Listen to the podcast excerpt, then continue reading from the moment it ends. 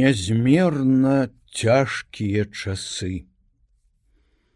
З цягам часу ўсё больш і больш праяўляюцца дзве плыні.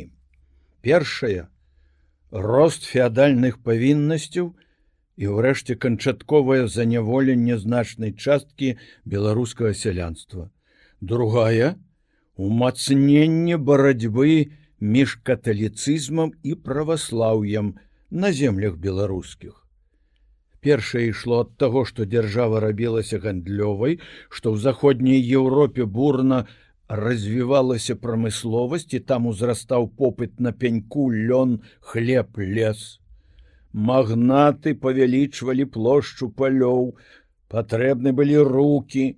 В 1557 годзе была праведзена рэформа так званай валочнай памеры зямлю подзялілі на валокі 21,3 гектара. За кожнай валокай замацавалі дым одну гаспадарку. За карыстанне валокай адпаведна якасці і колькасці можна было мець і больш за валоку зямлі. Дым адрабляў пэўныя павіннасці. На захад поцягнуліся абозы, поплылі караблі з плёнам сялянскіх рук раскоша пануючых усё ўзрастала. Ніводны сучасны чалавек не згадзіўся жыць так, як жыў нейкі там наваградскі князь у пачатку 13 стагоддзя. Вільготныя голыя муры камяніцы лавы укрытыя шкурамі, ложак рэдкасць грубыя сталы некалькі крэслаў іконы пара скрыняў. І што з таго што на стайні шмат коней? Што ў куфрах трапляюцца срэбныя рэчы? Што вопратка з каштоўных футраў? А пасля унутры муроў і веш палац у якім сцены абабіты шоўкам мэбля аксамітам верхі веш ліставым золотам. На чалавеку парча, пярсцёнкі коштам у гадавую працу вёскі, залатыя ланцугі з медальёнамі, зброя усыпаная каменнямі, якім няма цаны, за прамысловасць, за ўзбагачэнне за раскошу плаціць мужик, але не толькі плаціць, але і паўстае. У той жа час пачаліся сутычкі паміж католікамі і праваслаўнымі. Тэўтонскі ордэн все яшчэ пагражаў, рабіўся мацнейшы, трэба было шукаць кімсьці саюзу. Народ, мяшчане купецтва былі за саюз Масквой, блізкія мовы адна вера. Але Масква ў той час яшчэ плаціла дань татарам. Нават пасля кулікова поля аж да стаяння на угры 1480 год, калі да Івана третьего падыходзілі падмацаванні, а да хана Ахмата не падышла падмога ад караля літвы і Польшчы Казіміра IV не падышла дарэчы, таму што супраць караля ўзняўся бунт беларускіх праваслаўных князёў. Дапамогшы Маскве самі яны, поплаціліся галовамі, а край яшчэ больш падпаў пад уплыў каталіцызму. Дык вось значная частка магнацтва лічыла, што Масква далёка, а ордэн блізка і трэба заключыць саюз з Польшчай, а значыць і прымаць тую самую веру, што там. А тут яшчэ і бунты змовы нават буйныя беларускіх праваслаўных феадалаў змова глінскага з узяццем туравай мазыра нападам на слуцкія капыльскія землі 1506 год. Так з Польшчай у замку крэва у 1385 годзе была заключана унія папа падтрымліваў караля ягайлу і ўзяў з яго слова перавесці ў каталіцтва беларусаў і украінцаў. Унія дапамагла зваліць крыжакаў, але яна ж нарадзіла стагоддзі барацьбы украінцаў і беларусаў з акаталічваннем і была адной з прычын, якая ўрэшце прывяла да заняпаду, а пасля і да падзення Польшчы. Мачыце, як яно ў гісторыі. Торгні нават за самую нязначную здавалася б нітку, і неадменна яно адгукнецца. Не сёння, дык праз 300 год. Думка аб уніі, як на добрых людзей, дык была і не кепская. Нашто сапраўды рэзаць адзін аднаго за тое, што казак педапрыгара і магілёўскі мешчанін роман девочка хрысцяцца двума пальцамі, а шляхцюк пшыпшэцкі пяццю. Глупства.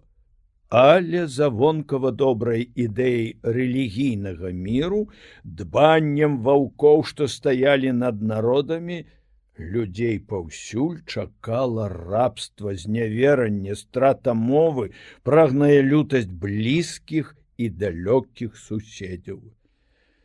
Змаганне было лютае з абодвых бакоў і часам летні пераходзіла ў рэлігійную вайну. І гэта не быў фанатызм.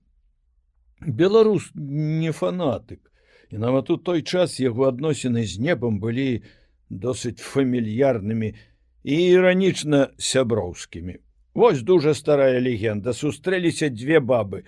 Куды ідзеш, кума? Іду ў касцёл закупіць ім шум абедню на свайго лютара аспіда змея каіна маецца на увазе муж.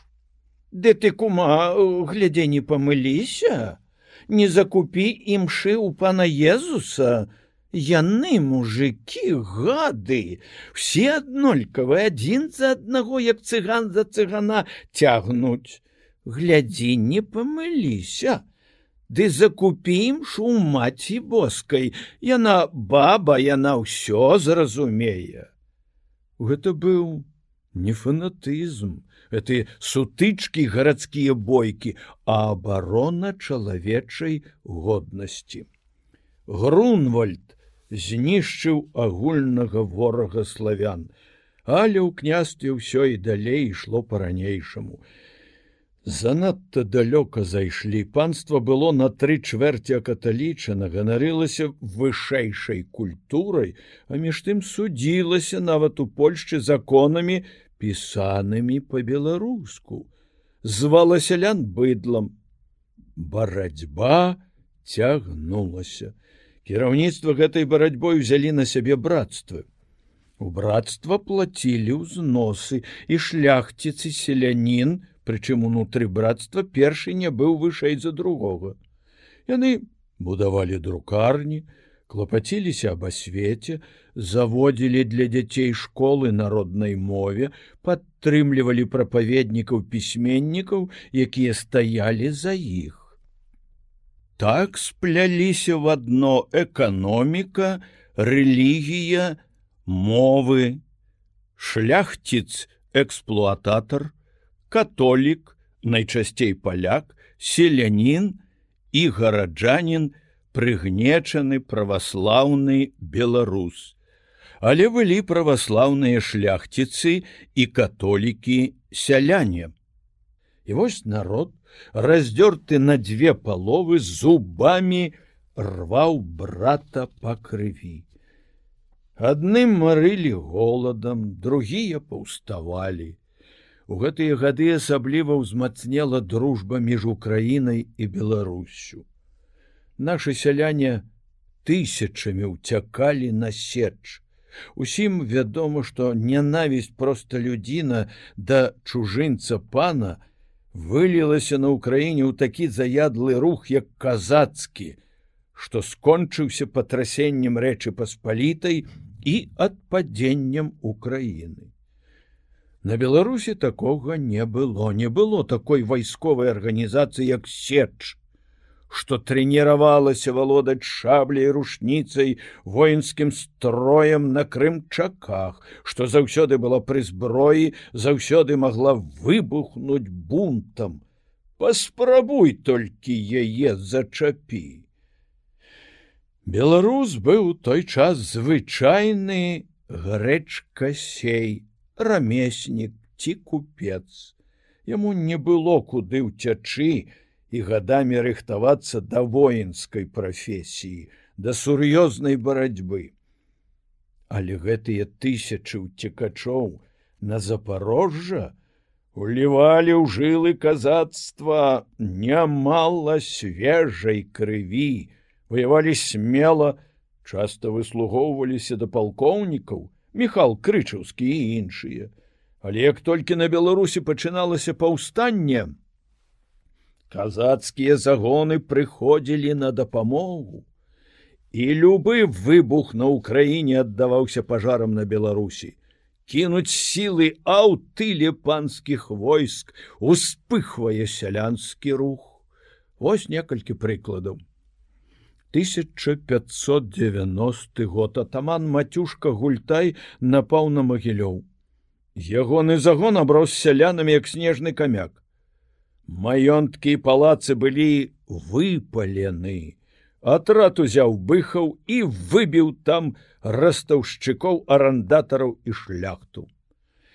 1595 год кастрычнік тысяча северына наливайкі прыходзіць на Беларусь знянацку бярэ слуцк а ў ім здабычу зброю і 12 гармат праз некалькі дзён у наливайкі ўжо две тысячи коннікаў і пяхоты каля слуцка яны рассейваюць гарматным агнём шляхецкае войска прыціхлые было пасля мацюшынай войны сялянскія бунты зноў успыхваюць аж да мінска. 30 лістапада 1595 года ўзяты магілёў. Пабіты баяры і учцівыя людзі. Выпалены крамы з вялікімі скарбамі. В сярэдзіне снежня падыходзіць гетман літоўскі ў яго 18 тысяч войска паўстанцы адбіваюцца з лагера пасля агрызаючыся адыходзяць ім няма чого губляць б'ют цены шалёна ясна што ісці за паўстанцамі няма карысці наливайка бярэ рэчыцу ідзе на пінск і з дзвюма тысячамі войска адыходзіць на украіну 1601 1602 гады тое самае з атрадам дубіны напад на віцебск шляхцей гарадскім лепшым людзям удаецца захапіць у палон дубіну яго паплечнікаў казакаў і сялян вывесці на заручайскія валатоўкі і там пасадзіць на кол. Бунт за бунтам 1584 год паўстанне ў полацку не хацелі на грыгарыянскага календара по якім зараз жывём мы бо ён каталіцкі грамілі панскія дамы. 1606 год. Польская інтэрвенцыя ў масковіі патрэбны грошы. Прэс падаткаў цісне як ніколі. Гарадская рада магілёва так злоўжывала сваім становішчам так крыўдзіла народ што горад паўстаў разагнаў раду і заняў ратушу. Кіраваў паўстанцамі рамеснік стахор міткович новыя раднікі каваль кравец збраяр ганчар чабатар калачнік чатыры гады цягнулася барацьба. У 1610 годзе сігізмунд трэці задушыў паўстанне. Кіраўнікоў павесілі на ільінскай гары. 1616 под глускам сяляне разбілі полк пана сянкевича 1623 паўстаў віцебск біскуп іясафат кунцевич сілком насаджаючы вунію кідаў людзей у турмы выкопваў трупы праваслаўных з магіл і кідаў сабакам рабаваў, ездзіў па ўсім наваколлі, зачыняючы церквы. аршанцы не пусцілі яго летні ўтапілі ў дняпры магілёў запёр брамы выцягнуў навал гарматы і сказаў каб душахват каціўся адсюль калі не хоча атрымаць пяцифунтовае ядро ніжэй спины асаблівай патрэбы ў такім набытку біскуп по ўсяму відаць не адчуваў бо зматаў вуды 12 лістапада 1623 года чаша перапоўнілася. Ударыў набат жыхары віцебска і добраахвотнікі зоршы полацка вільні магілёва а таксама сяляне навакольных вёсак перабілі біскупскую гвардыю уварваліся ў дом кунцевіча знявечылі і забілі біскупа процягнулі труп за ногі па горадзе кінулі ў дзвіну. Прыйшло войска паляцелі галовы у двадцаці ўдзельнікаў паўстання